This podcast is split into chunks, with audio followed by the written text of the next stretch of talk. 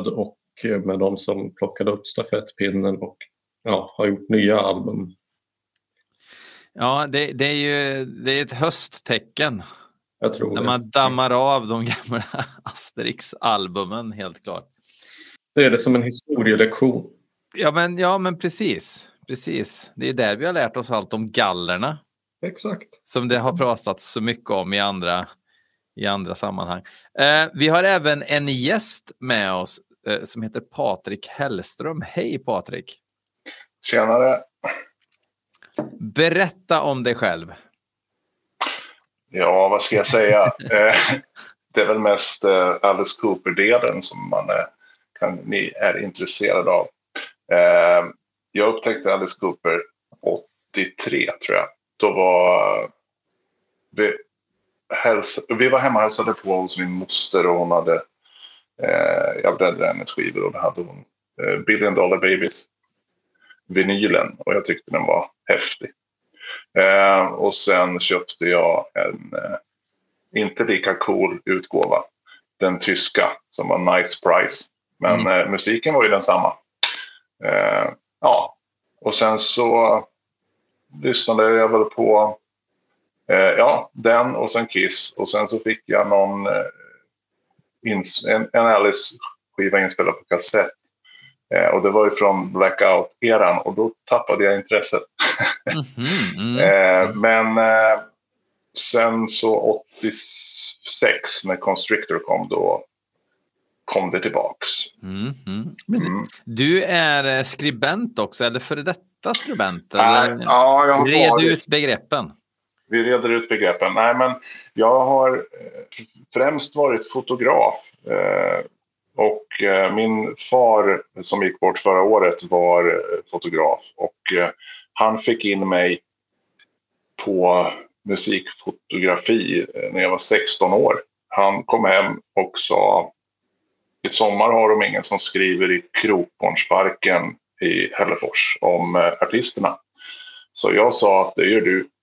Eh, och då var det bara att hänga på. Så då var det inte så, så mycket hårdrock, men en del. Eh, så, och sen så började jag skriva för musiksidan i Bergslagsposten som det hette. Som hette Spotlight, hette den sidan som var ute en gång i veckan. Och då så var det ju foto och recensioner och sådär. Eh, sen så har jag hjälpt till på senare år när det varit lite digitalt eh, digitalkameror och sånt. Men eh, nu jobbar jag inte med det längre. Okej. Jag blir jävligt nyfiken på, även om det inte var hårdrock, kan du namedroppa någonting du såg och recenserade i parken då? Laila K. Oj, oj, oj. Eh, Det är fan Lilius- creddigare än de flesta rockband som du kan slänga upp. Just. La, eh, och sen var det ju Jerry Williams, eh, Lena Philipsson, eh, Anki Bagger och, eh, och innan det så var ju, det var väl 1998, då var det väl Lili och Susie också.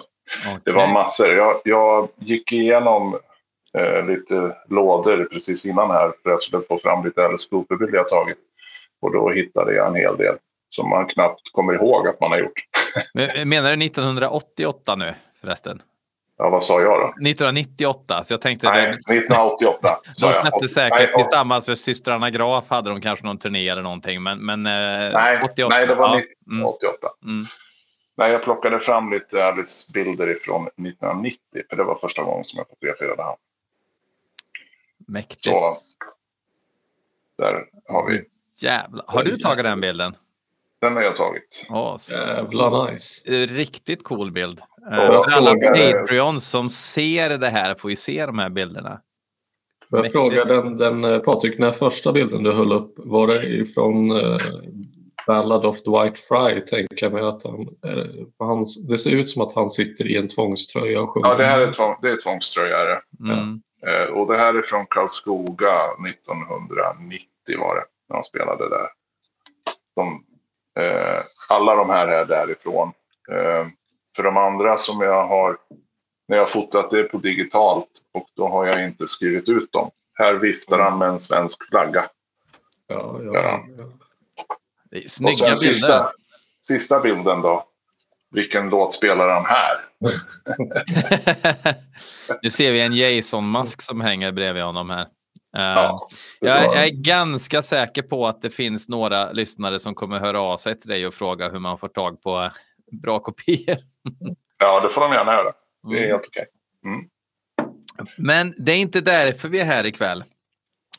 Ehm, anledningen är ju att efter den kommersiella framgången som hette Along came a spider så fick eh, Alice Cooper sug för att göra en eh, The Return of the Spider. Jag bara hittar på den titeln, han hade säkert inte den titeln, men han vill göra en uppföljare på den. Och han kontaktar eh, gamla polaren eh, och ja, guldgossen. Eh, nu tappar jag namnet bara för det. Bob Ezrin. Bob Ezrin. Bob Ezrin, ja. Eh, för eh, att höra om han är intresserad av att producera. Det är han inte, men släpper själv idén. Gör en ny Welcome to my nightmare istället.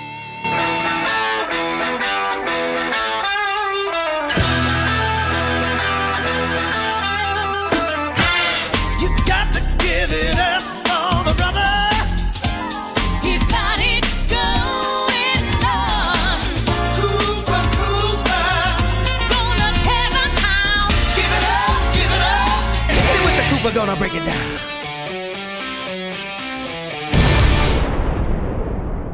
Och så åker Alice hem, eh, sätter sig på kammaren, funderar vad ska den här skivan heta? Jo, den ska heta Welcome siffran 2, My Nightmare. Och det kan man ju tycka vad man vill om. Eh, jag vet att när jag såg den här skivan fysiskt på Obs Bergvik när den var ny, eh, som ju är en, eh, mat, en stor eh, matvaruhandel eh, som inte existerar längre. Men i alla fall, då tänkte jag, ah, det där är väl lite desperat. Och då hade jag liksom tappat Alice Cooper helt för den här tiden.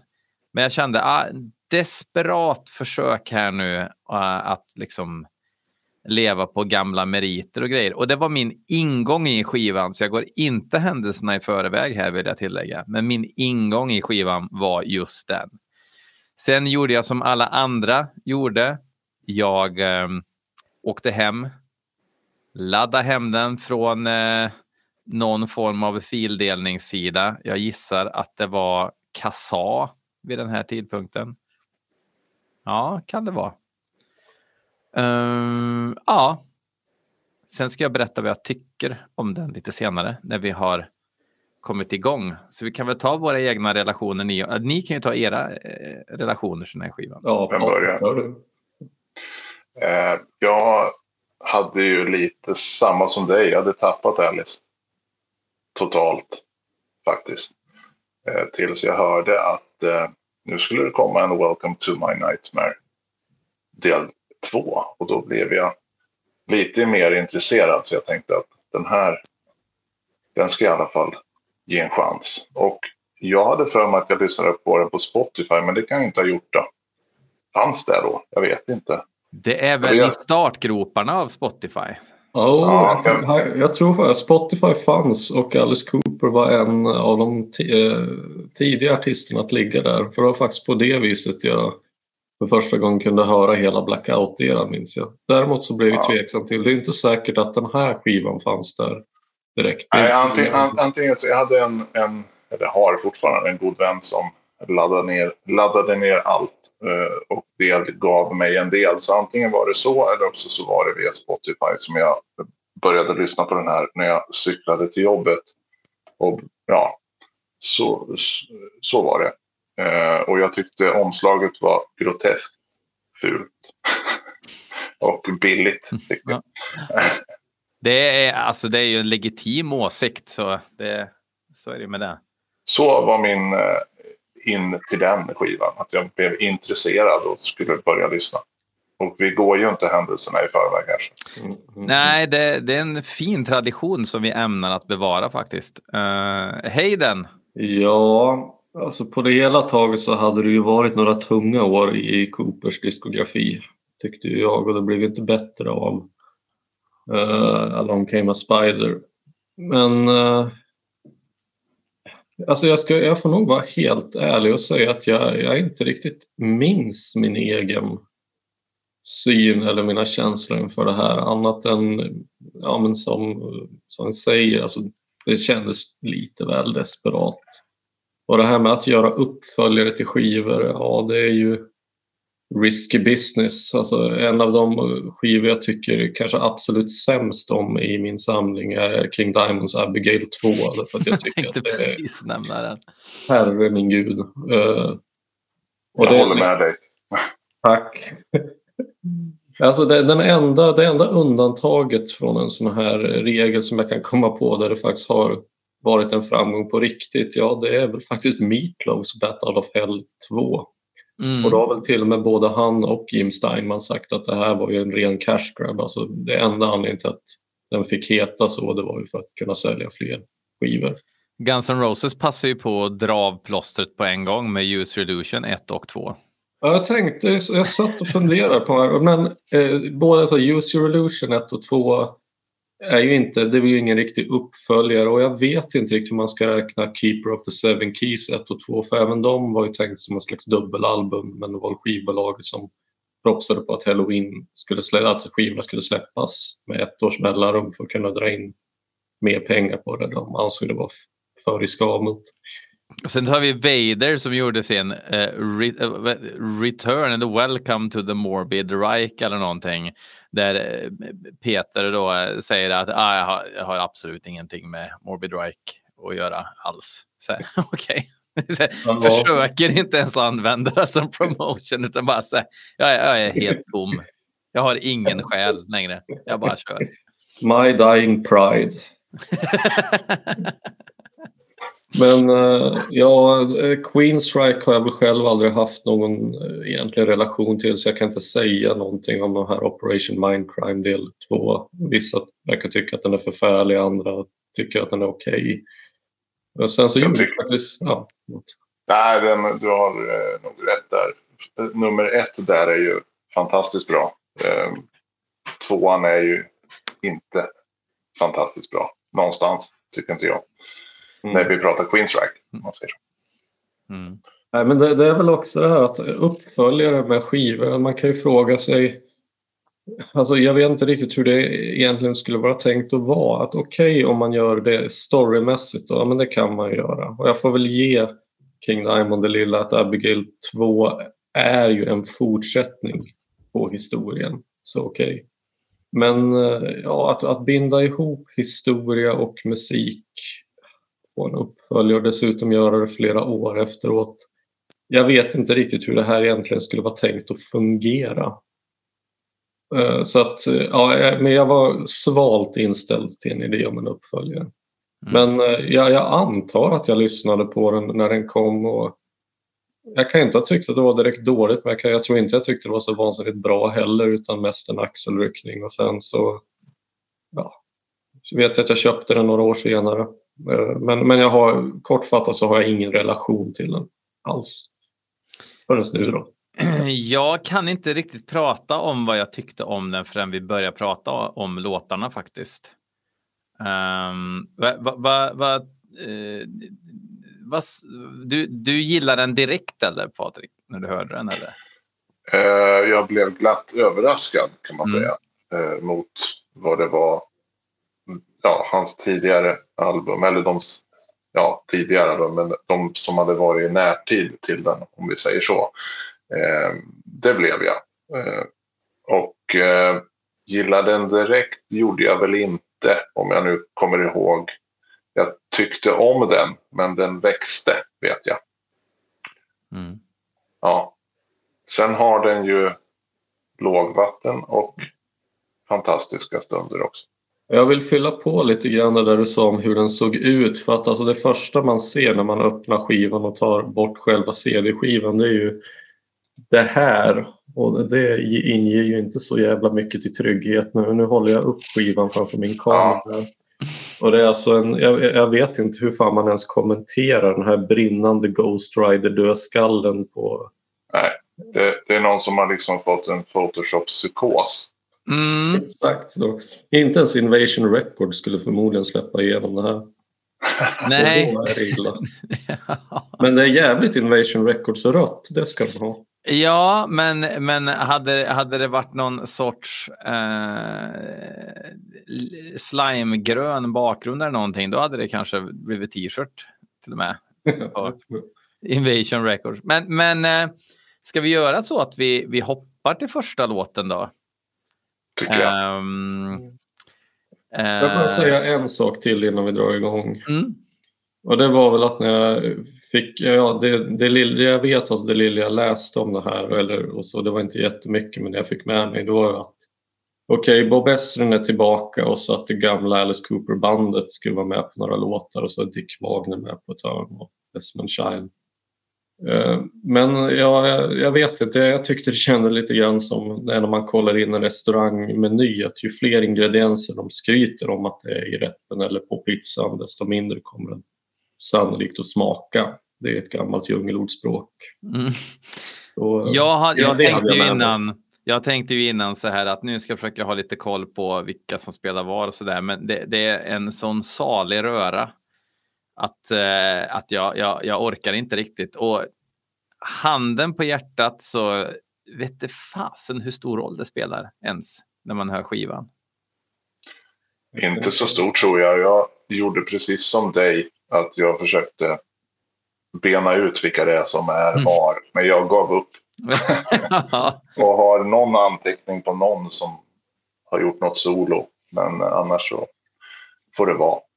Eh, låten då som öppnar skivan heter I am made of you.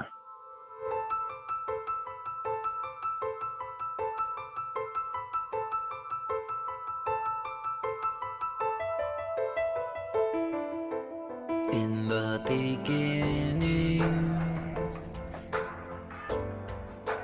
I was just a shadow. In the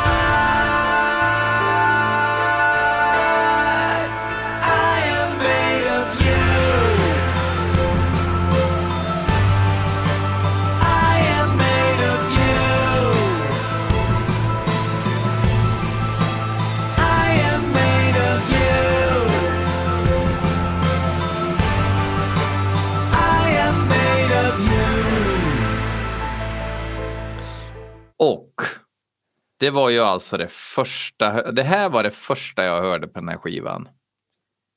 Och stängde av sen. Eh, av den enkla anledningen att jag... Och, eh, alltså, jag vet inte, är det möjligt att äga den här skivan och inte lyssna från låt två? Jag äger inte skivan nämligen. Eh, däremot så, ja, nu är, köper jag bara vinyl och det kostar ju sig smakar. Och, men eh, ja. För det, här är, det här är inte en stark öppningslåt. Nu har vi ju, eller jag, eh, jag har lyssnat på den några gånger nu. Ett antal och jag tycker, eh, jag tyckte nog att den var helt okej i början. Eh, Men nu så, nej, jag tycker inte heller om den. För den passar inte in. Den passar inte in, den sätter inte tonen för skivan och det här share vocoder-sången som kanske var populärt där egentligen 2001 kanske det var som mest populärt att ha den där effekten. Som återkommer på flera låtar, inte lika extremt, för man ställer ju in de där antingen så här att man ställer in dem till i olika procentsatser och om man har väldigt låg procent på, då hoppar ju sången mellan olika toner. Eh, och så kan man finjustera den och det gör man oftast på sångare som inte kan träffa tonerna. Så låter det som att sångaren träffar tonerna men man hör ändå att det är lite robotaktig. Det blir som en robotaktig effekt på sången och man kan ha den på väldigt milt. Och den återkommer flera gånger och det beror ju inte på att han inte klarar att sjunga låtarna utan det är bara att jag får känslan av sen när man började göra 80-talsvideos och man kunde börja använda effekter så gick man bananer på effekterna. Här är det ungefär som Bob Esrin har upptäckt att 2001 fanns ju, fast tio år senare. och vill testa alla grunkor som finns i studion när han producerar. För det händer mycket grejer i lurarna på den här skivan. Det gör det. Eh, och sen så, om det nu ska vara en temaskiva det här, Welcome to my nightmare 2, så jag får inte riktigt ihop den här texten. Hur den knyter an till resten. Ja, man Vad handlar ha- den om liksom? Är det... Jag har fått för mig att det är hans gudstro som kommer fram här. Mhm. Lite striper-anda. Han skulle haft scenkläderna to match om du frågar mig. Heja AIK. Ja. Eh, Nej, jag... Ju mer jag lyssnar på den, desto mindre tycker jag om den. För den passar inte in, det har jag sagt. Nu ska inte upprepa mig. Jag är nog Eh. lite mer positiv än, än, ni i så fall. För att jag tycker att, alltså det är ju slingan från Steven som inleder som, Mm. som sagt en, en autotunat berättad rövarhistoria. Eh, jag tror att jag förstår grejen med autotuningen som effekt för själva historien men det hade ju låtit jävligt mycket bättre utan. Men samtidigt så tycker jag nog, nu, nu har jag inte lyssnat på den här så många gånger, det är väl en, ja, fem, sex gånger då kanske. Men jag tycker att arrangemanget är snyggt, jag tycker orkestreringen är bra gjord och jag har inte hunnit tröttna på den. Eh, Jag ska väl nämna att det här är väl den enda som Desmond Child är med och skriv, har skrivit, va? Tror jag. ja, det kanske ja, det har jag, Ja. jag har inte koll riktigt. Eh, jag gillar gitarrsolot. Ja, ja. Har jag skrivit här i mina anteckningar. Mm. Den är inte en bedrövlig låt, men eh, ja. Det finns bättre på skivan. Överlag så är det ju, det är ju väldigt många gitarrister, men det är också väldigt många bra gitarrister med på skivan. Det har jag ändå reagerat på. Rakt. Det är ju inget gitarrsolo som eh, inte fyller en funktion direkt. Nej, det Nej. tycker inte jag heller. Och sen för själva historien, jag, alltså det här med, dels har vi ju konstaterat att det här med Alice och konceptskivor är ju minst sagt flytande dimension vi befinner oss i. Eh, men jag har väl alltid tänkt att det skulle vara en slags, hur ska man säga, triangeldrama mellan Alice, eh, Vincent själv och så Steven och att Steven ska vara I am made of you, att Steven är gjord av Alice Cooper och hans fantasi. Att det är det som åsyftas. Men ärligt talat, jag har ju ingen aning. Det, det är bara så jag har tänkt med det hela. Sen har väl det här hur Steven, vem han är eller hur det, ja, vad, vad karaktären egentligen är. Det har väl egentligen aldrig riktigt berättats. Det har väl inte slagits fast vem han Nej. är. Annat än att han ska vara någon slags halvimaginär produkt ur Alice fantasi. Har jag för mig att jag läst i någon intervju i OK för väldans massa år sedan. Okej. Men ja, sen hur, hur stringent och konsekvent det är under skivorna, det, det vi- låter jag vara osäker. Caffeine.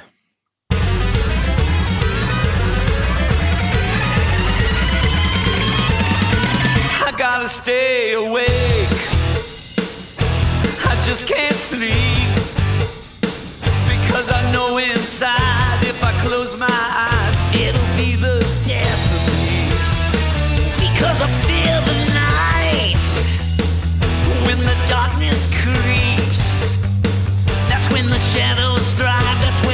survive. Cause every night they come.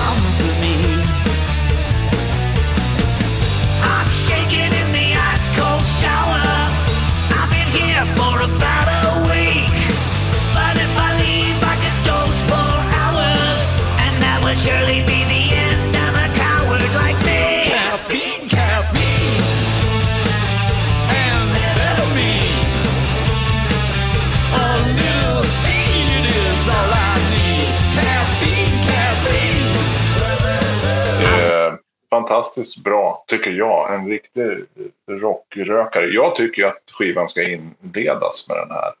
Eh, kanske, ja, med ett intro som är skruvat och leder oss in i historien. Så tycker jag att eh, det här är en fantastisk öppningslåt i sådana fall. Jag gillar eh, texten och eh, hur Alice uttrycker det. Det finns ju Cooper-humorn i det här, om man säger så. Ja, jag fattar hur du menar med att de där hade varit introlåt och just där, det är ju Nightmare on Elm Street-tema känner att jag, jag får inte somna för då dör jag i min Ja, mardröm. Jag vill inte göra det. Så det hade ju helt klart, jag, jag håller med, det hade varit en, en, en rimligt, ett rimligt sätt att öppna en historia på. Mm. Mm. Den, är, den, den är ju, den, är, den ska ju vara en liten, eh, en liten to, toklåt sådär, lite tokrolig också i, alltså även hur den låter. Eh, börjar med någon sorts eh, bisarr, eh, märklig eh, atonal slinga nästan eh, och blir en rockrökare och det var tredje gången där som jag börjar känna att men, jag tror, jag tror jag tycker att den här är rätt bra. Jag, jag är ju jag är inte så imponerad av eh, liksom vanliga rockrökare när det kommer till Alice, men det händer ändå någonting med harmonierna och melodispråket som är lite oväntat. Um, ja, men jag tycker det är en okej låt. Lite för mycket garage för min smak men det, jag tycker vägs upp med en hyfsat catchy melodi och en refräng som jag tycker funkar med själva temat. Men samtidigt så är det någonting för mig också. Jag kan, jag kan fan inte riktigt sätta fingret på vad det är men det är som att det inte bara riktigt lossnar för mig. Sen eh, gitarristen är tydligen Steve Hunter, jag han från Buckshire men det är ett, ett band jag inte vet någonting om. De är tydligen stor har jag fått för mig. Mm. Det, det är väl en sån här Sunset Strip-band va, egentligen? Från början, tror jag. Ingen aning. de var förband till Kiss 1996 när de spelade Globen. Men det var ju som en gästning då. Ja, det, Och, men de, de har väl växt i staterna, vad jag har förstått. Okej, så att de har blivit större med åren liksom. Jag tror att de turnerar med Skid Row nu. faktiskt. Okej, okej. Ja. Mm. Mm. Sen så har vi då The Nightmare Returns. Som väl är, om jag inte förväxlar låtarna, va? den är väl en liten Diddy sådär. En liten sån här eh, skräckinterlud. Av Ja, något det är Bob Esrin som spelar piano och den här Steven-slingan återkommer för en liten kort interlud. Frågan är väl vad den egentligen gör där, för den gör varken, varken till eller från i mina öron. Nej, Nej. men om det, det, jag vet inte. Det ska väl kanske... Jag har fått fram att det ska fungera som någon ond eh, godnattsaga eh, som går in i stilen.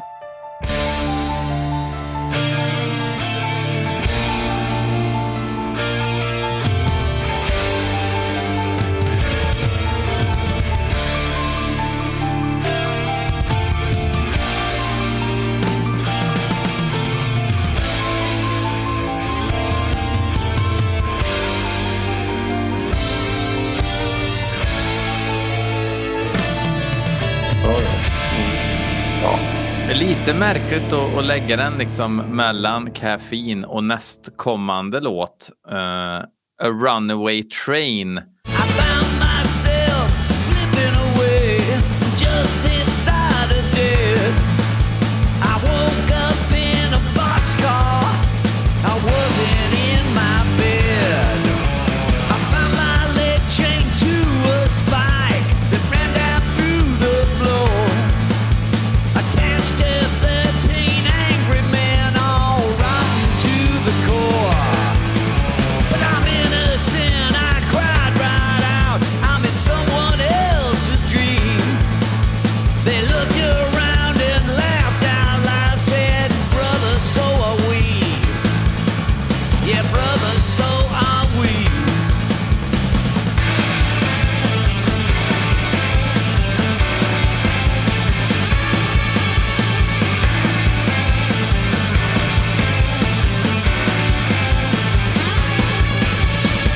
Också då en eh, Dennis Dunaway eh, co-skriven låt som ju var den var väl, eh, jag vet inte om jag har läst någonting att Dennis Dunaway hade den på någon annan skiva och så har de skrivit om den.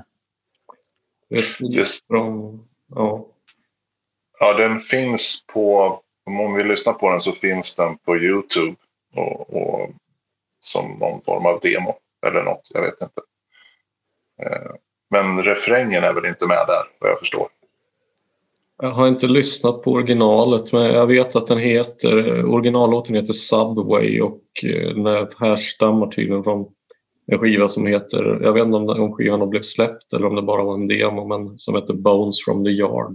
Från Så var det Eh, Jag gissar också att den här låten är ganska starkt inspirerad av en bit som heter Mystery Train, en gammal dänga av Junior Parker som också The Doors körde live lite av och till. Mm, jag tror jag har läst det till och med någonstans. Aha. eh, när jag har läst om skivan. Att, att den skulle vara någon sorts förlaga. Det är en, eh, alltså, det är inte en tokig låt. Gitarristen Vince Gill, som alla givetvis har koll på, men jag kollar upp honom nu, är i alla fall någon country rock eh, tomte som har varit med på massa awardshows, ser jag på bilder här, så att den är väl superkänd inom Nashville, glam Nashville-kretsar gissar jag. Eh, spelar ju han är- fantastiskt bra gitarr i alla fall på den här låten. Ja. Eh, ja. Nej, men eh, i den här låten tycker jag att de... Den heter ju A Runaway Train och med sina instrument så får de ju faktiskt med takt och sinne att man hör tåget gå framåt, om man Mm. säger. Ja, men det, det är bra gjort. Alltså det, är, det är en rätt kul historia och bra låt. Jag tycker det är, det är skönt med lite upptempo tidigt in på skivan. Och så, här. så att det låter ju piggt och det låter bra. Jag menar, det finns ju ingenting att klaga på här, det tycker jag inte. Och det är ju, Nej.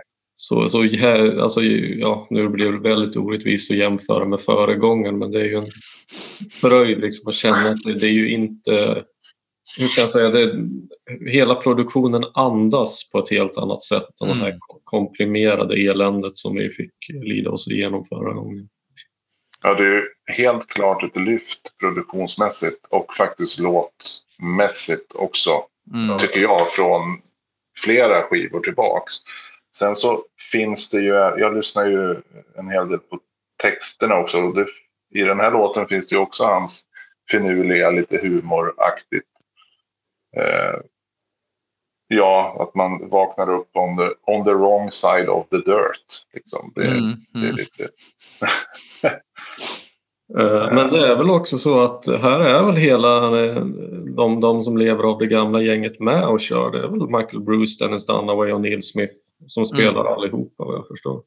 Men, Ja. eh, men jag håller ju med om det som sades tidigare. Att jag, ärligt jag, jag kan ju inte påstå att jag hade hört det med, med Nej. egna öron.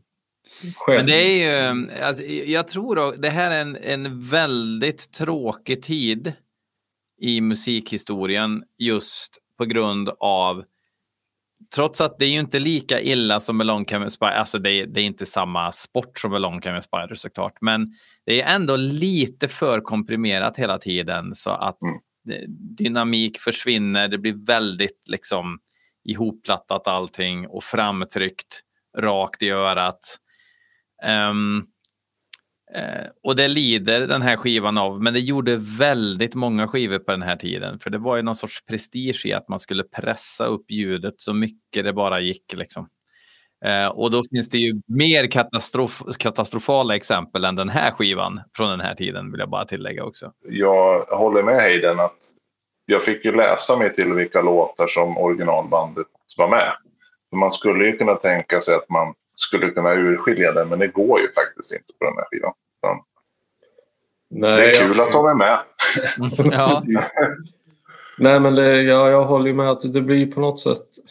Alltså det är ju ganska märkligt när, när, när jag tänker efter det här att dels så vill man ju i så fall om det är Neil Smith och Dennis Dunaway som spelar då vill jag ju höra Dennis Dunaways Mm.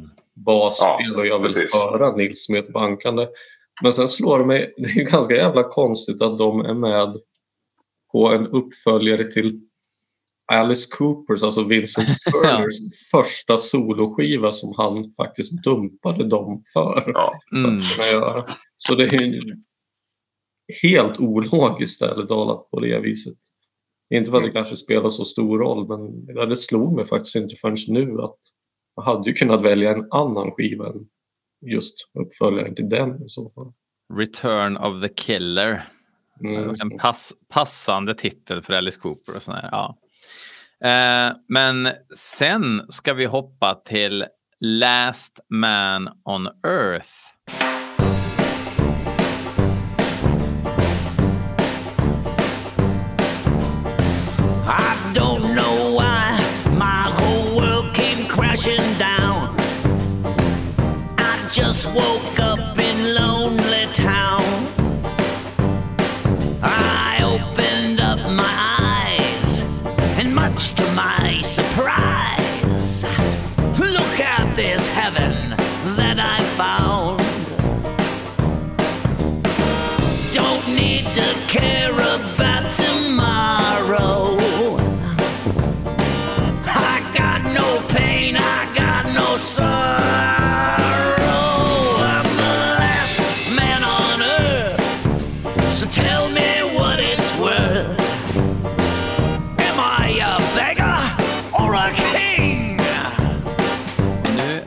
Vi ju nu är vi ju i eh, jag vill bara tillägga, alltså jag är, jag är alltså dödstrött så jag tappar alla namn här.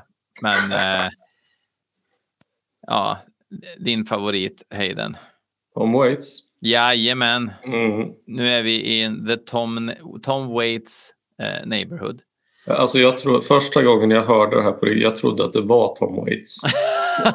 Och då kan jag fan med Waits eh, diskografi helt utan och innan. Och det, det, alltså det är så jävla likt i produktion och i ljudbild, instrumenthantering, allting. Men eh, jag tycker att det låter bra och ju fler gånger jag lyssnade på den här desto bättre tyckte jag om den. Jag, jag tycker att eh, texten är, är rolig också, att det är en annan liten spin på Siste mannen på jorden temat eller Omega-människan.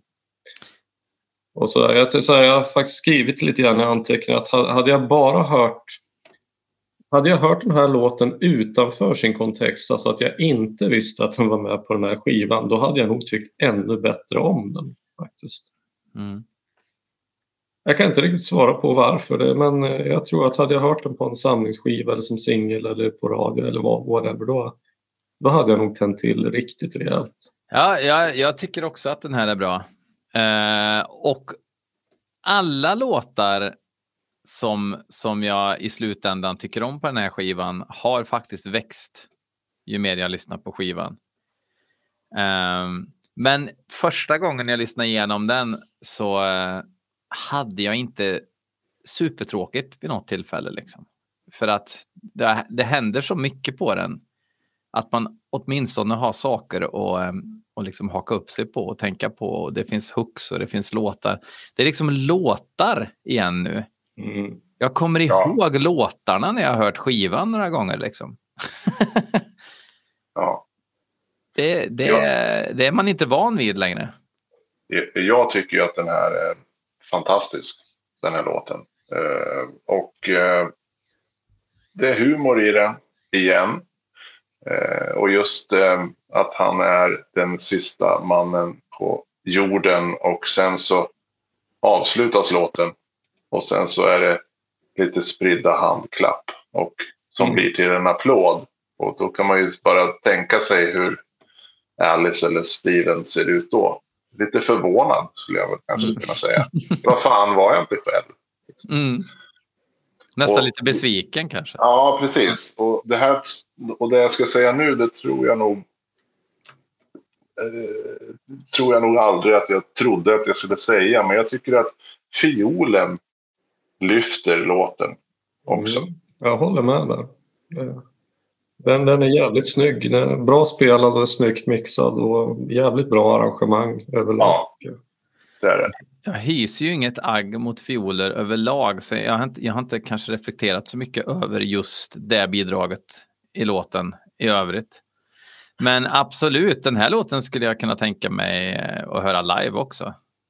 Mm. Ja, ja. För att bryta Absolut. av alla eh, trumsolon och gitarrsolon och sånt där. Eh, och få, Mm. få ha något, men men det, det, det är så mycket metal nu som är grejen live, känns det som. Så att man tappar det lite tror jag. Jag tror, jag tror inte att de skulle kunna göra den här eh, live så bra just nu. Ja, det är klart. Ja, då får de nog göra lite lokaler och inhopp. Men jag tycker en, en grej som jag också vill eh, lägga till är det att jag tycker att det låter som att han har kul igen. Alltså han tar Mm. ju i rejält med bra riv i rösten och att han verkar ju tro på det han sjunger för en gångs skull. Mm. Och det tycker jag är så jävla väl. Där, welcome back Alice. Verkligen. Och det kanske är därför, även när, vi pratar dalar, så, så, så, så sitter man, man, man suckar inte lika djupt som vid andra tillfällen, utan det är bara okej, ja, ja, ja. En, en låt, vad är det? Nu tar vi nästa liksom. Ehm, Nej, men och sen har han ju det här, han har ju gått tillbaks till det här att det är olika, om man nu ska säga stilar. Det är ju liksom Mm. Alice verktyg som det var på 70-talet. Visst, absolut. Nu är han ju tillbaka och det är väl säkert Bob Esrin som har tagit han lite i örat kanske. Jag vet inte. och att eh, Bob Ezrin kanske inte är så bekväm med att göra musik som det inte finns någon popstruktur i. Liksom. Nej. Kan jag tänka mig. Sen ska vi hoppa till The Congregation.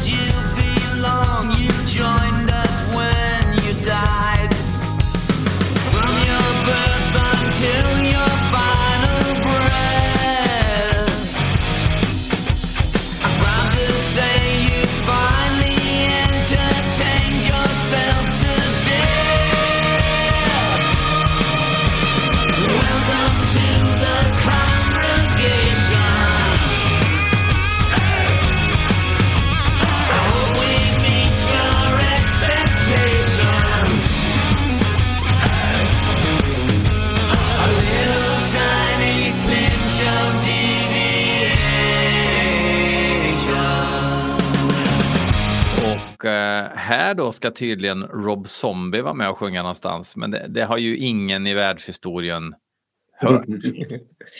Eh, Han och det- pratar väl? Det är väl han som pratar va? Ja, just det. Just det. Det, det läste jag mig till. Men det, det kunde ju varit precis vem som helst. Det hade ju kunnat varit Kjell Lönnå som var med och pratade. Det Ja, då hade det inte varit lika coolt. Ah, kanske coolare. Ja, kanske coolare om man hade gjort det på svenska. ja. Eh, Men här har vi också det här klassiska lite Marilyn Manson, tjocka tjacka, tjocka tjacka, tjocka tjacka stuket. Men låten är ju en lite glammigare rocklåt egentligen. Catcher Rock har jag skrivit. Mm. Och den här bedrövliga eh, vocoder-effekten i refrängerna och sådär eh, som jag, ja, jag vet inte, jag, jag, jag, det är inte Alice Coopers fel, men jag hatar den där effekten verkligen. Jag hatar den. Jag tycker den tar död på så mycket. Känns Ja. som fratboy på något vis. I introt som är några sekunder så har jag liksom fått för mig att det, det påminner ju om W.A.S.P. The Crimson Idol någonting där som är på den skivan.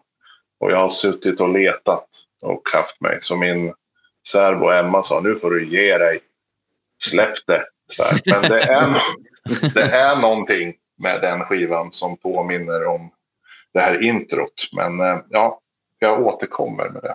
Ja, ja du får, får tipsa i efterhand om du hittar den nå- någon gång. Ja, precis.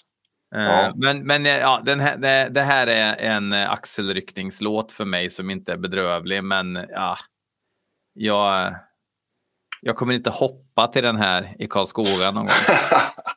Nej. Jag, jag, tycker att den är, jag tycker att den är bra. Jag tycker att den är catchy rock som jag sa. Nej, men det, det driver på. Och sen så finns ju, jag tjatar om Alice humor, den finns ju här också. Speciellt i det här talade som det Rob Rob Zombie som pratar då. Eh, när han eh, delar, eller när han pratar om de här glasburarna, var de finns då. Mm. Eh, de som finns i det. Eh, och eh, jag vet inte vad amerikaner am- har, har emot mimes, alltså mimare, eller vad heter det? Mm. För de ska tydligen brinna i helvetet. Ja. ja, Ja. jag delar nog amerikanernas känslor för just mimare faktiskt. Det är ju... Ja, om vi pratar om, ja, om vi pratar om dem med randiga tröjor och vit. Ja, ja. okej. ja, men det, ja, just det. Så är det ju såklart. Ja, Jag själv har jag aldrig gillat Rob Zombie som, eh, så att jag har aldrig förstått grejen med honom annat än att jag fattar att han är skitstor i USA. Men eh, ingenting egentligen av det jag har hört av honom har jag tyckt varit särskilt märkvärdigt. White Zombie var väl lite kul på sina ställen av och till men inte min grej. Och låten jag beskriver texten är en, ja, det är en tripp genom helvetet och sådär. Det är ju helt okej men jag märker också att jag, jag hinner nog ledsna innan låten är slut. Så att det, det är ingen, inget favospår på skivan för mig. heller. Hade Alice hört det så hade han bitit av det i ansiktet. Så nu kör vi ju I'll bite your face off.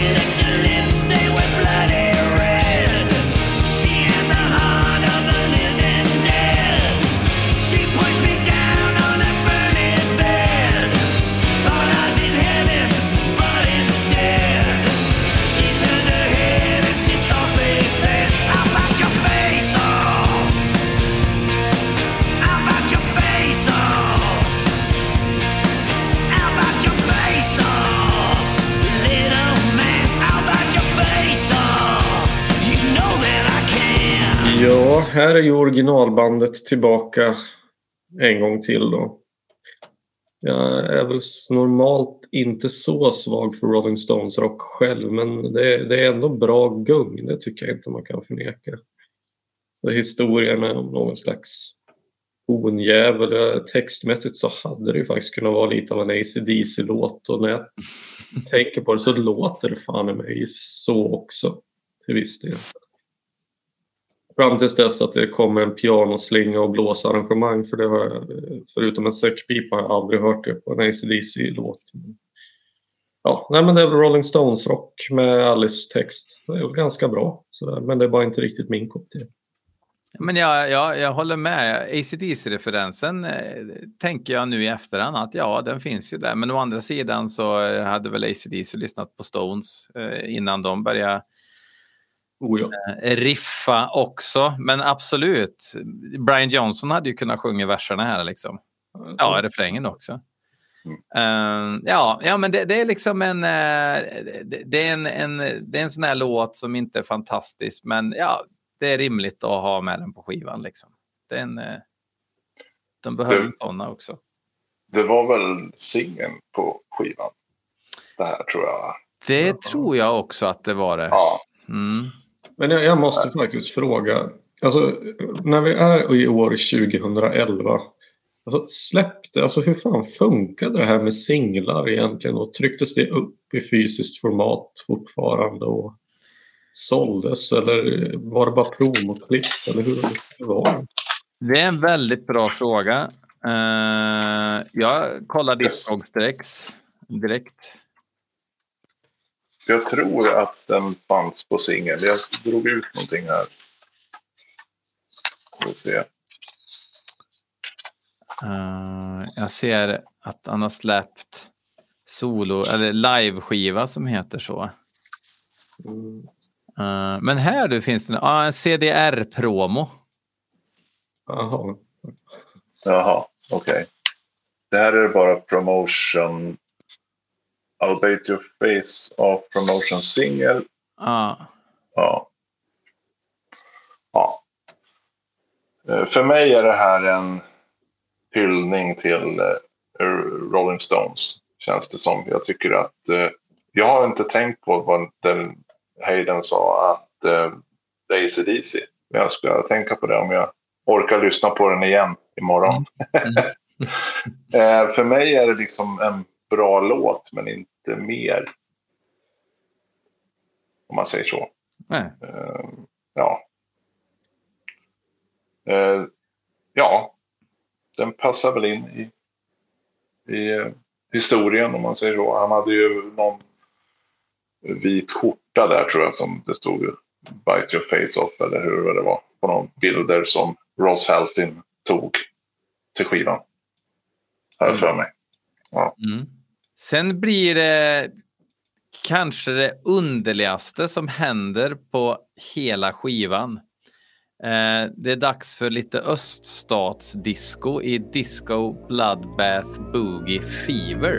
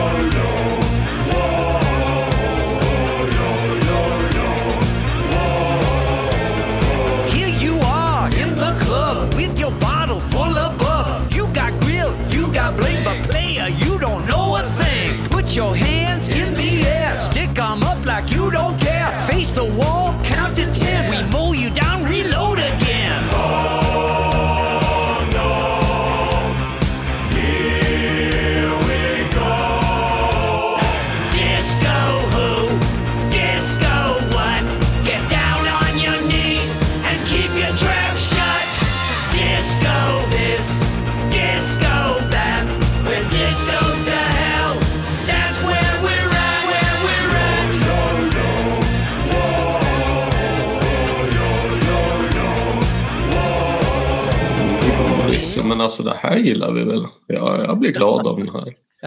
Så jag tycker körerna låter lite som de på You look good in rags från Special Forces.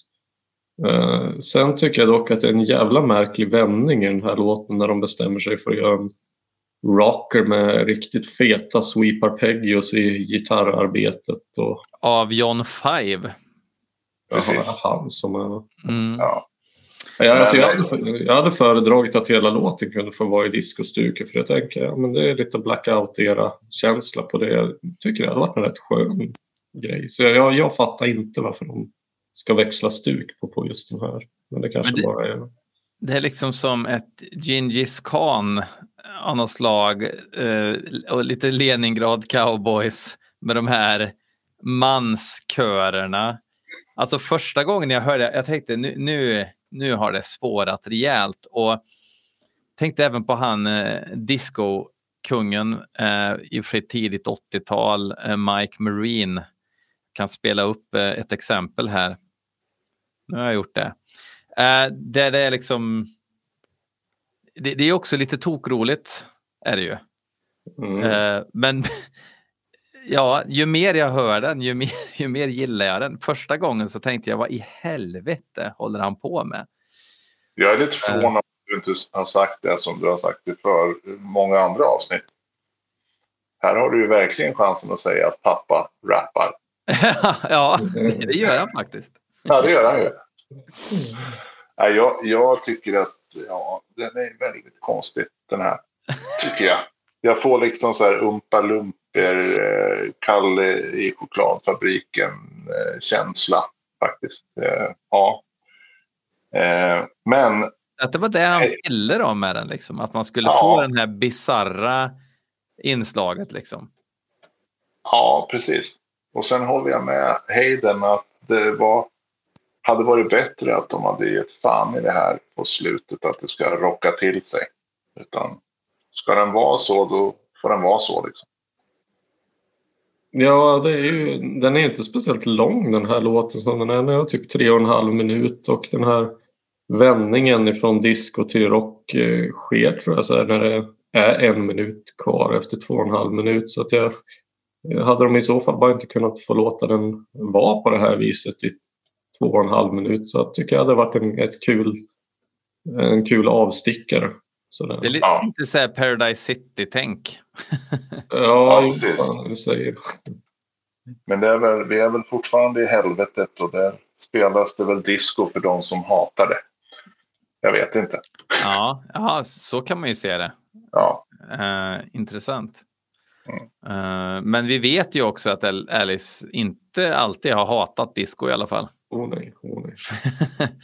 Men jag Ja, tänkte också faktiskt på eh, musiken till fredag den 13 del 3 som ju är en märklig discoversion av temat. Jag tror väl inte att det är någon slags koppling dit men ändå. Men Mm. eh, när jag hörde att Rob Zombie eller när jag fattade att han var med på den här skivan då trodde jag faktiskt att, att det var den här låten för att jag, jag vet att han har gjort en cover på den här I'm your boogeyman Casey and the Sunshine Band.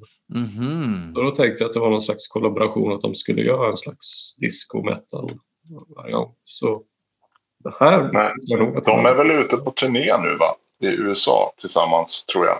Rob Zombie och Alice på någon co-headline. Mm. De har väl gjort flera sådana genom åren men nu är de ute igen tror jag.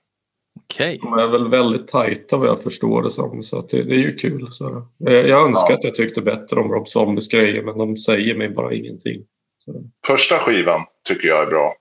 Hellbilly Deluxe, den, den är helt okej. Sen så, nej. Eh, ja. Sen är det, jag har sett honom live en gång på Sweden Rock, om vi nu ska prata Rob Zombie. Det var eh, inte speciellt bra. Nej. Han, han, Den- kan väl inte, han kan väl inte sjunga live va? Nej, den musiken som han gör tycker jag passar bättre på skivan om du ska lyssna på den. Mm. Tycker jag. Eh, Ghouls Gone Wild. Ghouls gone wild, wilder than before. We had a little taste and now we need a little more. Ghouls gone wild, screaming in the night. We're feeling kinda hungry and we came in for a bite. Eh, det här är skivans absolut sämsta låt. Jag Utan konkurrens. Är det någon som har hört Freestyles gamla dänga Rider omkring?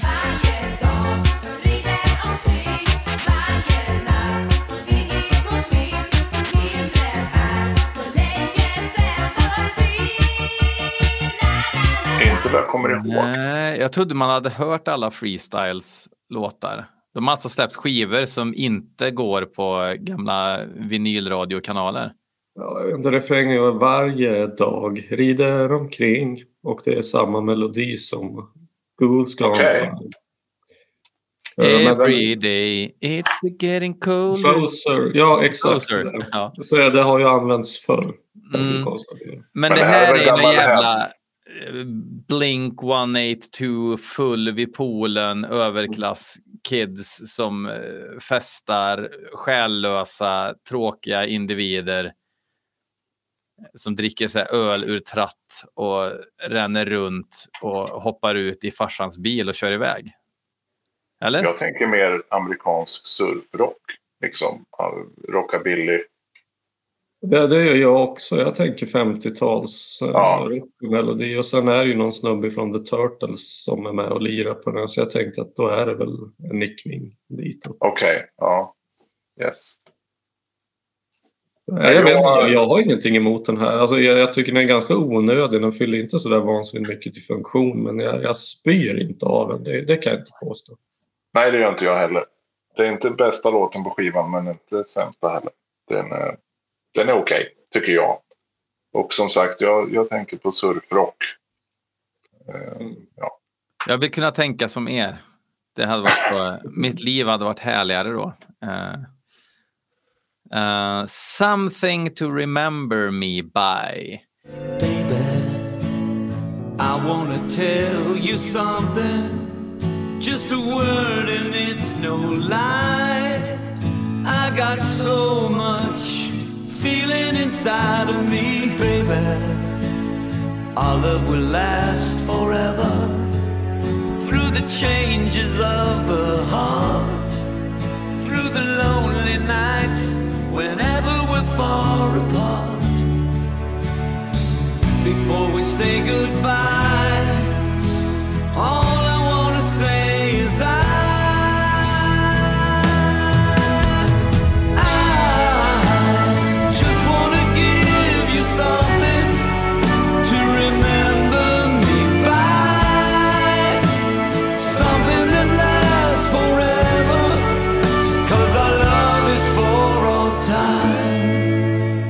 Låtar som inte passar in i historier och koncept så undrar jag vad, vad i helvete gör den här låten på skivan? Ja, det gör jag också. Vad är detta?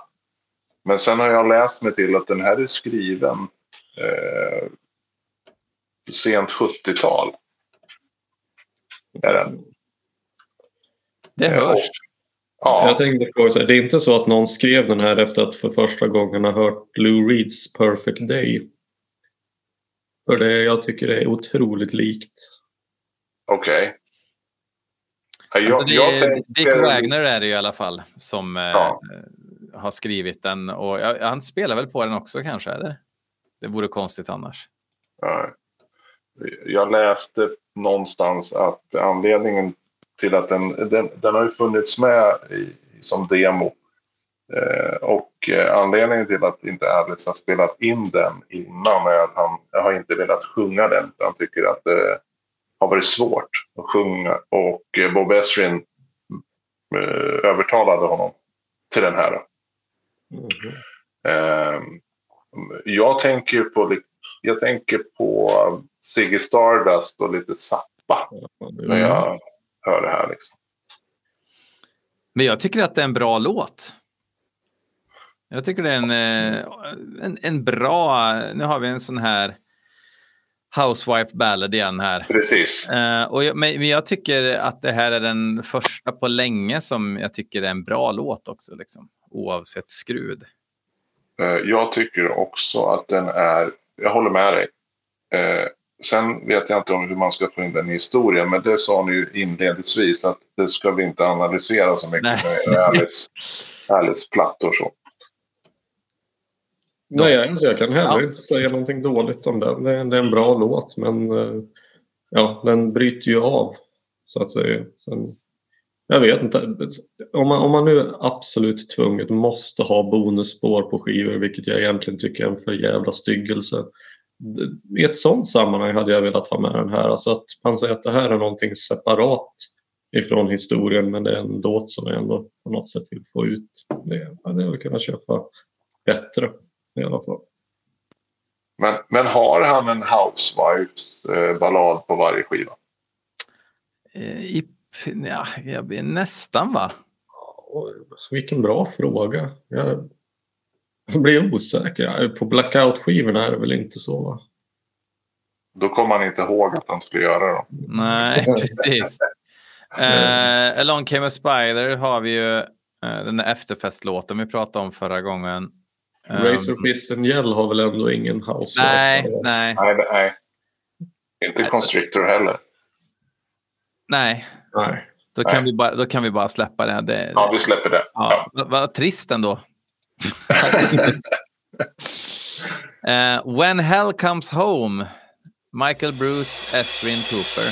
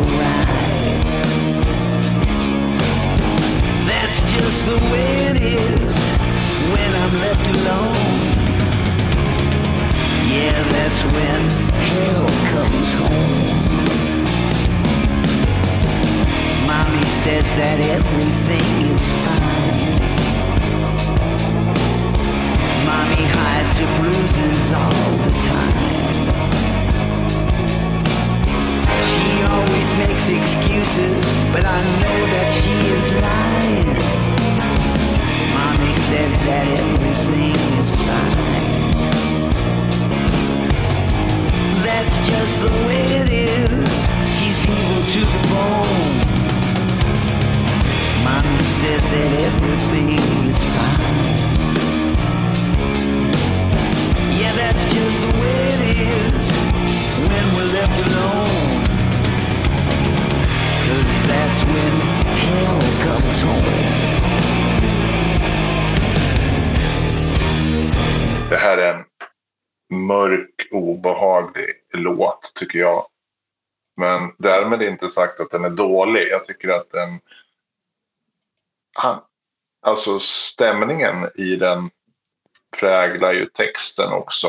Och eh, nej, den, jag, den är obehaglig. Eh, men det är det han vill också. Så att jag tycker att den är bra, den här låten. Eh, men just det här att han beskriver eh, situationen så bra tycker jag. Att han, är, han låter ju halvgalen i, i verserna. Mm. Det är en bra historia om, om misshandlad son och fru som bestämmer sig för att ta hämnd och jag hade egentligen gärna sett att den historien utvecklades så att han kunde göra en kanske en liten trilogi av låtar som kunde så att säga ta historien vidare. Är, det en, är det en uppföljning på Only Women Bleed? Skulle ju kunna vara i och för Ja, sig. kanske. Nu har de fått barn också och eh, morsan, morsan har lackat ur totalt på honom. Eller. Ja, jo visst. Ja, mus- Musikaliskt så tycker jag att det känns, det skulle kunna vara lite av ett ratat spår från The Last Temptation känner jag. Att det är lite 90-talsrock med Seattle touch. Och det funkar Lite. Tarantino-gitarrer också. Ja, det kanske är. Det är någon ljudeffekt som går i hela låten också som gör att den är, blir ännu mer obehaglig. Eh, Mm. nej, jag, den här låten tycker jag att de, han verkligen har liksom fått fram känslan i texten, även i musik och allt. Det, det är bra. Jag tycker också om den, men jag, jag, jag visste inte vad jag tyckte första gången jag hörde den. Jag varit tvungen att höra den några gånger för att den ska liksom växa på mig. Mm. Eh, Men den, den är kul för den är, den är inte så... Den, den är eh, lite intrikat på något vis. Det är att den inte är så uppenbar. Hooksen är inte så uppenbara liksom. Men de finns kul. där. Kul här- skulle jag inte säga. Nej, nej, nej. Men, men eh, basen och pianot som gör någon sorts gemensam basgång som driver låten hela tiden. Och, Ja, ja, det är coolt. ja det är coolt. Um, What Baby Wants featuring Keisha.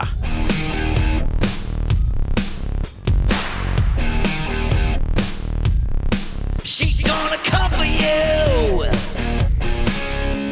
And you can try to run and hide. No matter what you do. She gonna take you deep inside.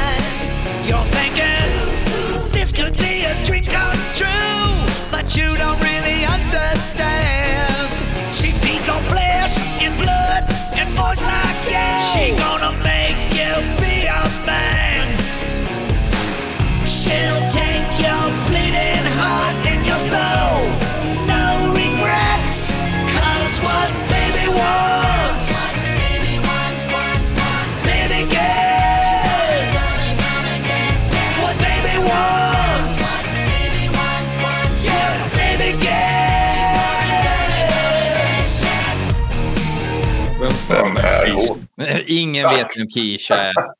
Det är väl ungefär som hon som gästsjöng med Meatloaf på I will do anything for love. Jag hade Cher och nu har jag... Vad heter du nu igen?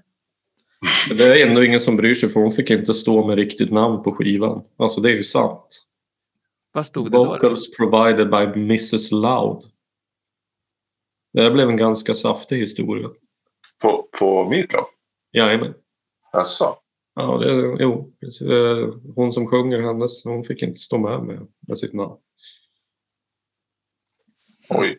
Men hon är ju med i en video, är hon inte det? Nej, det är inte hon.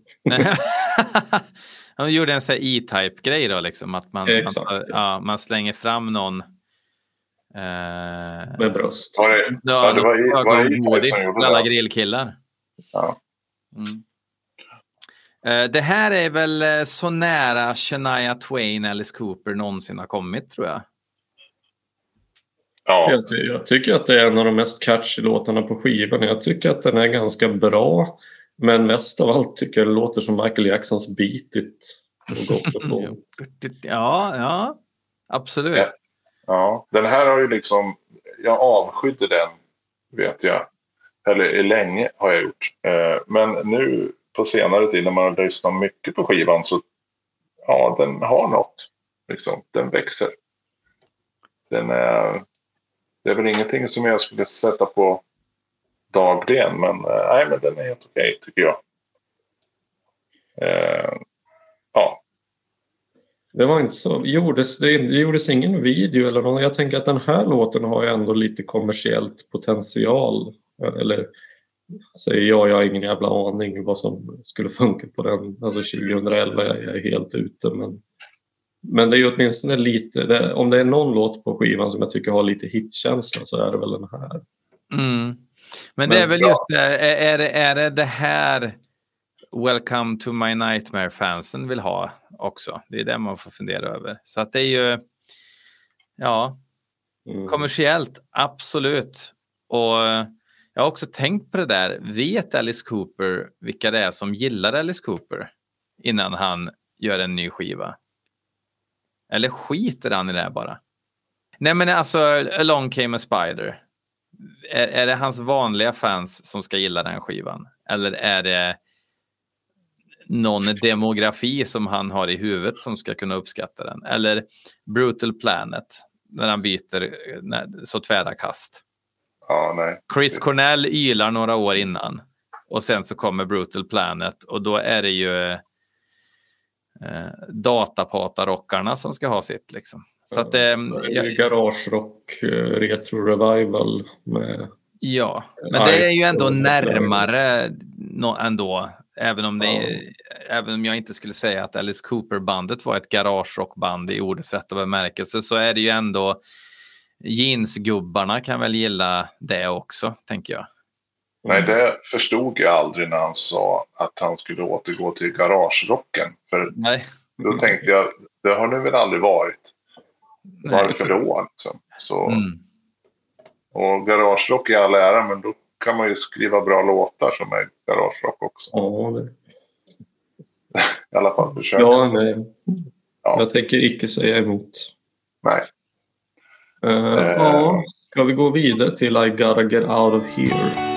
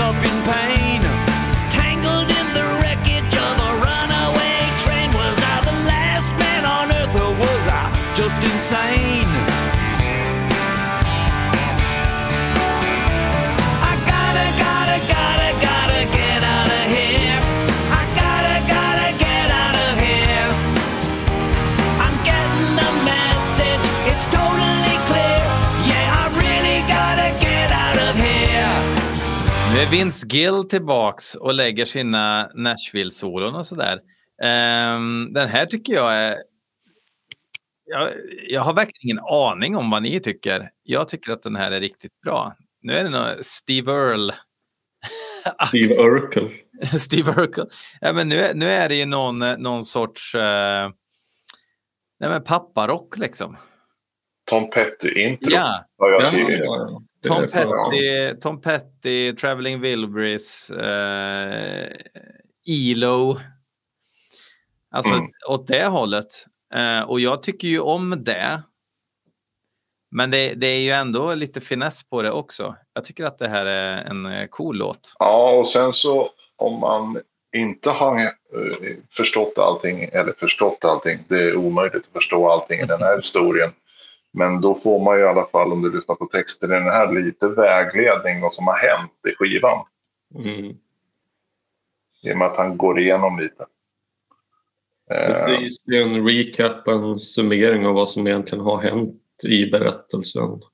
Mm. Men jag tycker samtidigt att det känns som att om det nu är en story som ska ha någon slags kronologi så det är ju ingen riktig upplösning utan det finns väl en början och ett mittparti men vad som egentligen är slutet det vet jag inte. Annars tycker jag låten är ganska bra. Mm. det, det är väl egentligen det här som är slutet med, med tanke på vad som händer eh, textmässigt i, Mm. eh, ja, i avslutningen då. När han inte vill vara med längre. Ja. ja, att han måste Ja. Ja, och de sjunger. Det är också hu hans humor som jag tycker är eh, What part of death don't you get? Han är ju liksom, du är Ja. död. Liksom. Mm. Mm. Det är kört. Så, ja. Men den är ju ändå liksom... Eh, man får ju inte en känsla av panik av låten direkt. Alltså, Nej, musiken limmar ju kanske inte så bra med, med texten i det avseendet. Nej, fast jag tycker att de gör det väldigt snyggt på slutet då när, han, när det går upp för honom att What part of death don't you get? Excuse me? Ja, liksom, va? Vadå? Här. Mm, mm. Ja. Så det blir ju liksom lite humoristiskt i det hela också. Så att, eh, nej, jag, jag- jag gillar den här, tycker jag. Och sen så avslutas eh, hela kalat, kalaset med ett potpurri av eh, Alice Cooper-melodier vi minns. Så att om Alice Cooper skulle vara med i Här är ditt liv så skulle de spela upp den här när, under tiden han, när det kommer upp snabba klipp och han går in och får en bukett av Lennart. Swahn var det eller? Det är väl blåsningen men det kanske är samma sak. Ja, ja, men, ja, men hade inte han här ditt liv? Skit i. Lennart Swahn nu. Eh.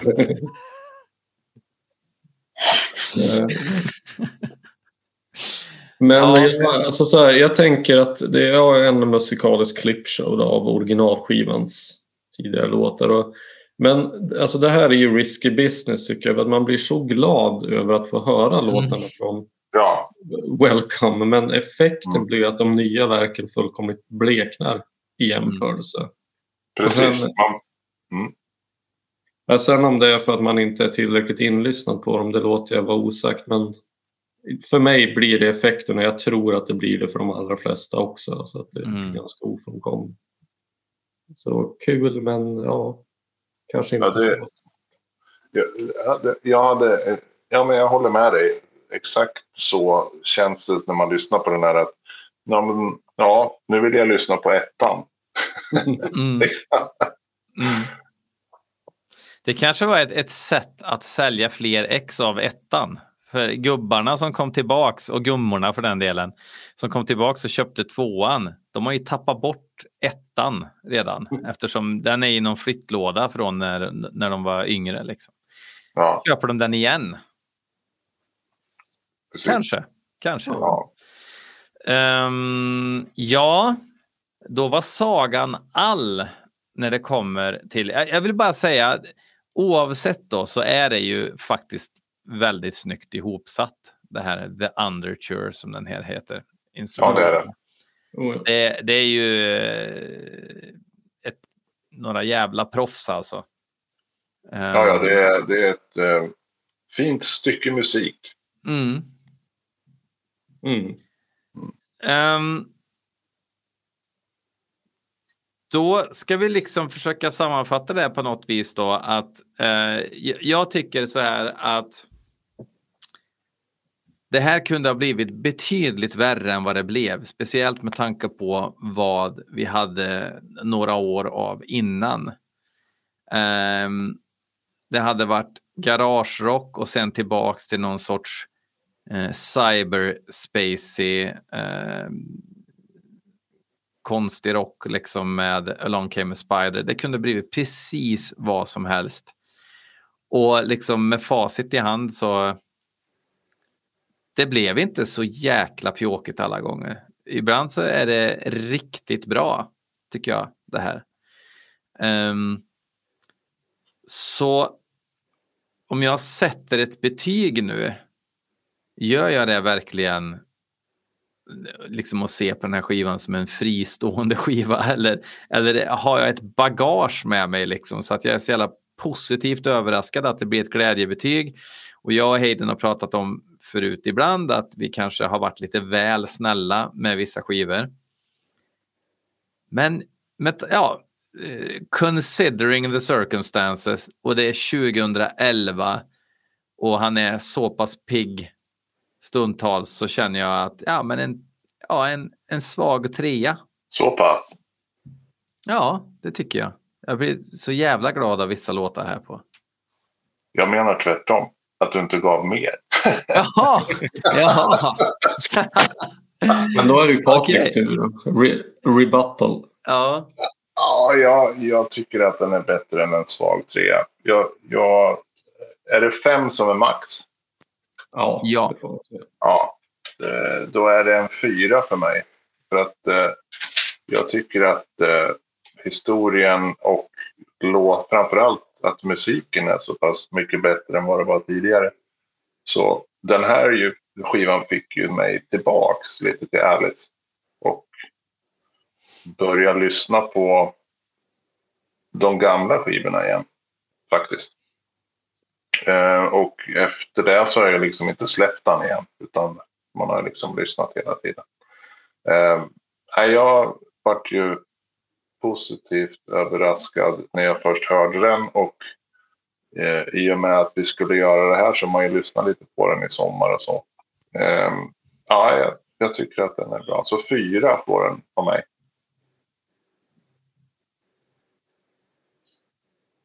Nu är det utslagsrösten. Ja, ja, nu jag ber om ursäkt i, i för- förskott här, för jag kommer att ranta ganska rejält här känner jag. När jag Jag sätter mig skrev- bekvämt. Jag har en sittkudde här som jag sätter mig på. Nej men alltså så här, det är betydligt mer varierat än på mycket, mycket länge och det är riktigt bra på sina ställen. Den är lättlyssnad, den känns aldrig seg, det är ett högt tempo i låtarna och den är betydligt mer genomarbetad och välskriven än ja, föregångaren, det behöver ju knappt sägas, men även föregångarna. Så att på så vis tycker jag känns fan så mycket mer Alice än på länge. Samtidigt så är jag kluven därför att alltså jag antar att man kan se mycket av det här på två sätt. Att antingen så tycker man att det är en sju jävla godispåse det här med Bob Esrin, Wagner och originalband och att det ger bang for buck.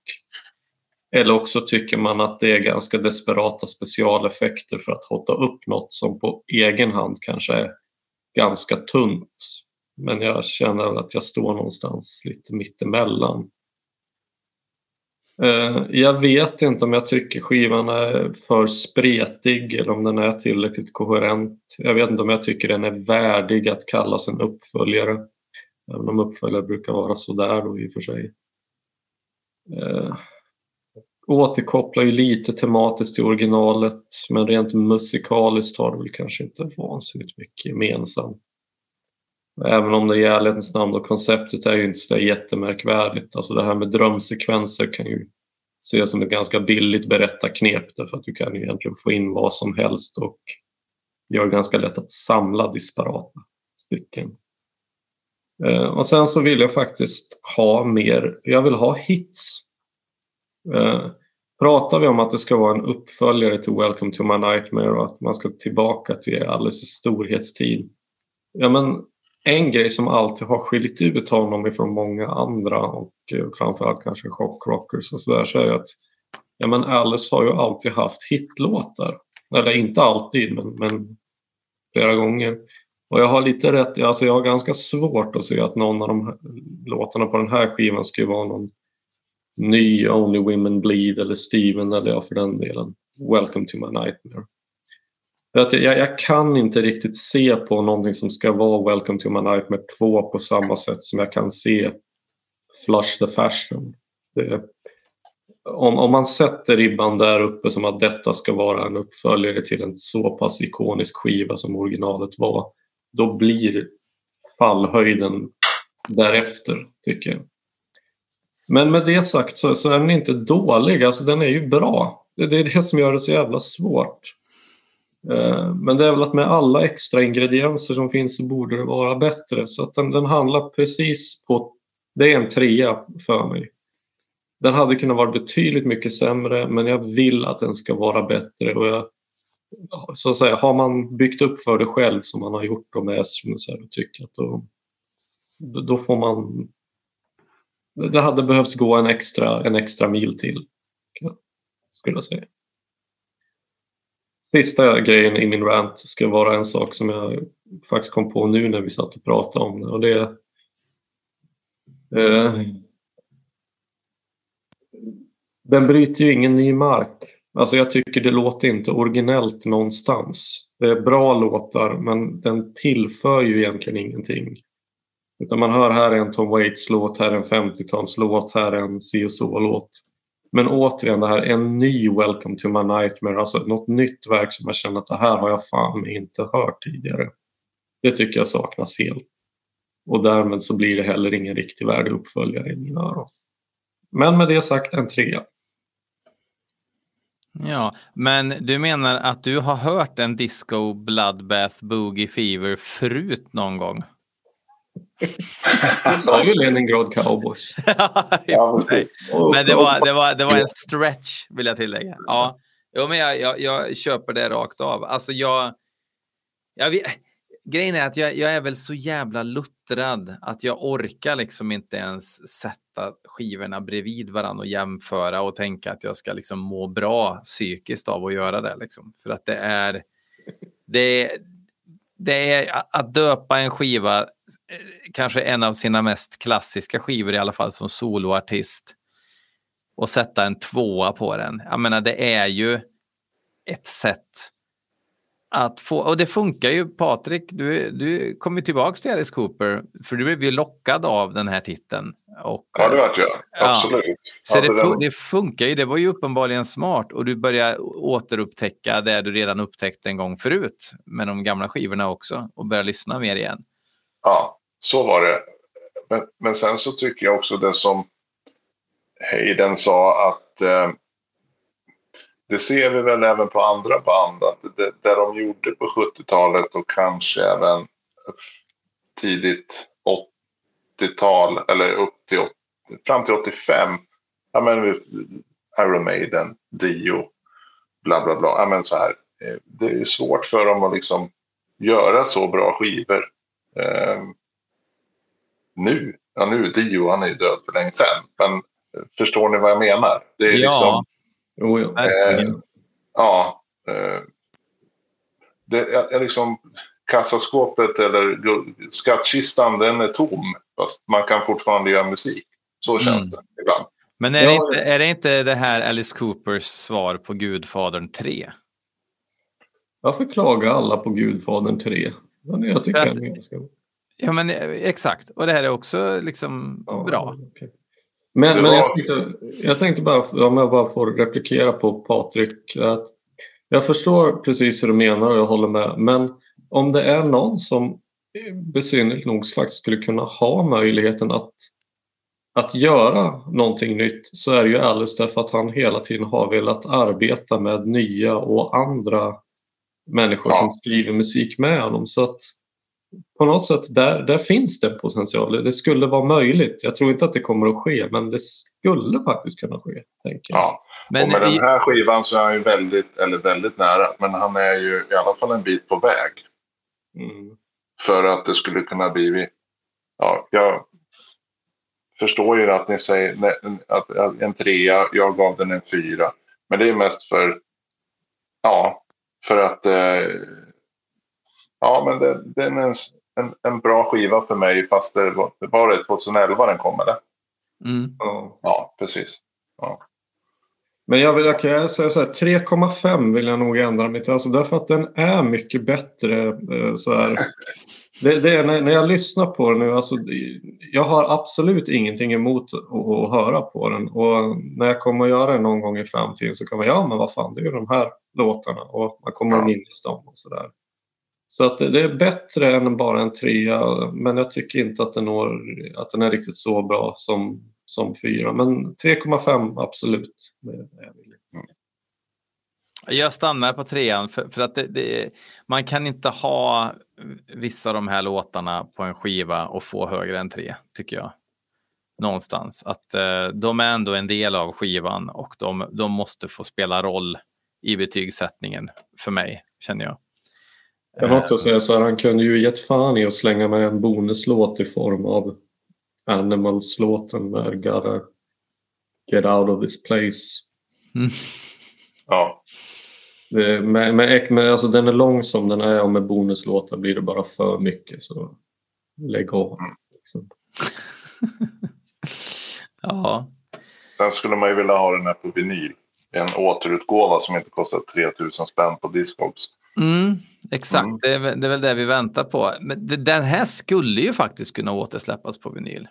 Eh, Gärna utan den här brinnande dödskallen. Då. Ja, det är, alltså, att själva etiketten har den här eh, Napalm Records dödskallen. ja. Men eh, tusen tack Patrik för att du ville delta i dagens lektion. Tack för att jag fick vara med. Det var jättetrevligt. Jävligt roligt. Jävligt roligt. Ehm, och tills eh, nästa vecka. Vi, kommer, alltså, vi börjar ju faktiskt se ljuset i tunneln, men som jag sagt förut så Alice hotar ju med att släppa fler skivor hela tiden. Så att, men vi får se om vi har något avsnitt där alla gäster är med någon gång. Eh, Mm. där, vi, där vi gör någonting kul. Någon Ja, får jag klassfest. bara, får jag bara, hur, hur, när ni är färdiga sen då? Hur eh, ska ni... Jag, jag vet inte om jag skrev det eller om jag bara tänkte ni måste ju gå igenom alla live-skivor också. Här går vi inga händelser i förväg. Här går vi inga händelser i förväg. Men, men, Nej, men det är grejen bra. är att eh, Alice Cooper kommer ju bli äldre och han kommer aldrig sluta släppa skivor. Så att jag, tror, jag tror inte att vi kommer ta studenten än på några år. Så Nej, det eh, det, det, det återstår att se. Men, nog, eh, såg ni, nog såg ni honom i Gävle förra året? Ja, det gjorde Ja, vi. jag, var, jag var också där. Okej. Ja, ja, okej, okej. Ja. Det var Ja, det var ju fantastiskt jävligt bra. bra. Ja. Ja, det var det. Det var nog... Jag, se- jag vet inte hur många gånger jag har sett honom. Om det, om det var femte gången, tror jag. Och jag måste säga att det var nog den bästa förra sommaren. All right. Jag var grymt imponerad av honom. Alltså. Ja, det var svinbra, verkligen. Ja. Det var det. jag, tror, jag, jag tänkte så här innan att jag kanske har liksom blossat upp förväntningarna så mycket eftersom vi var så jävla inne i hela Alice Cooper-grejen då och så där. Men jag tänkte så här i efterhand att det hade nog bara gjort att det hade liksom fallit hårdare om det inte var bra snarare än att det gynnar Ja. honom. Precis. Ja, det är sant. Det är sant. Nej, Ja, men eh, nog om det. Eh, tills nästa gång då så säger vi ju som vanligt låt stå. Tack för kaffet. Tack så mycket. Hej.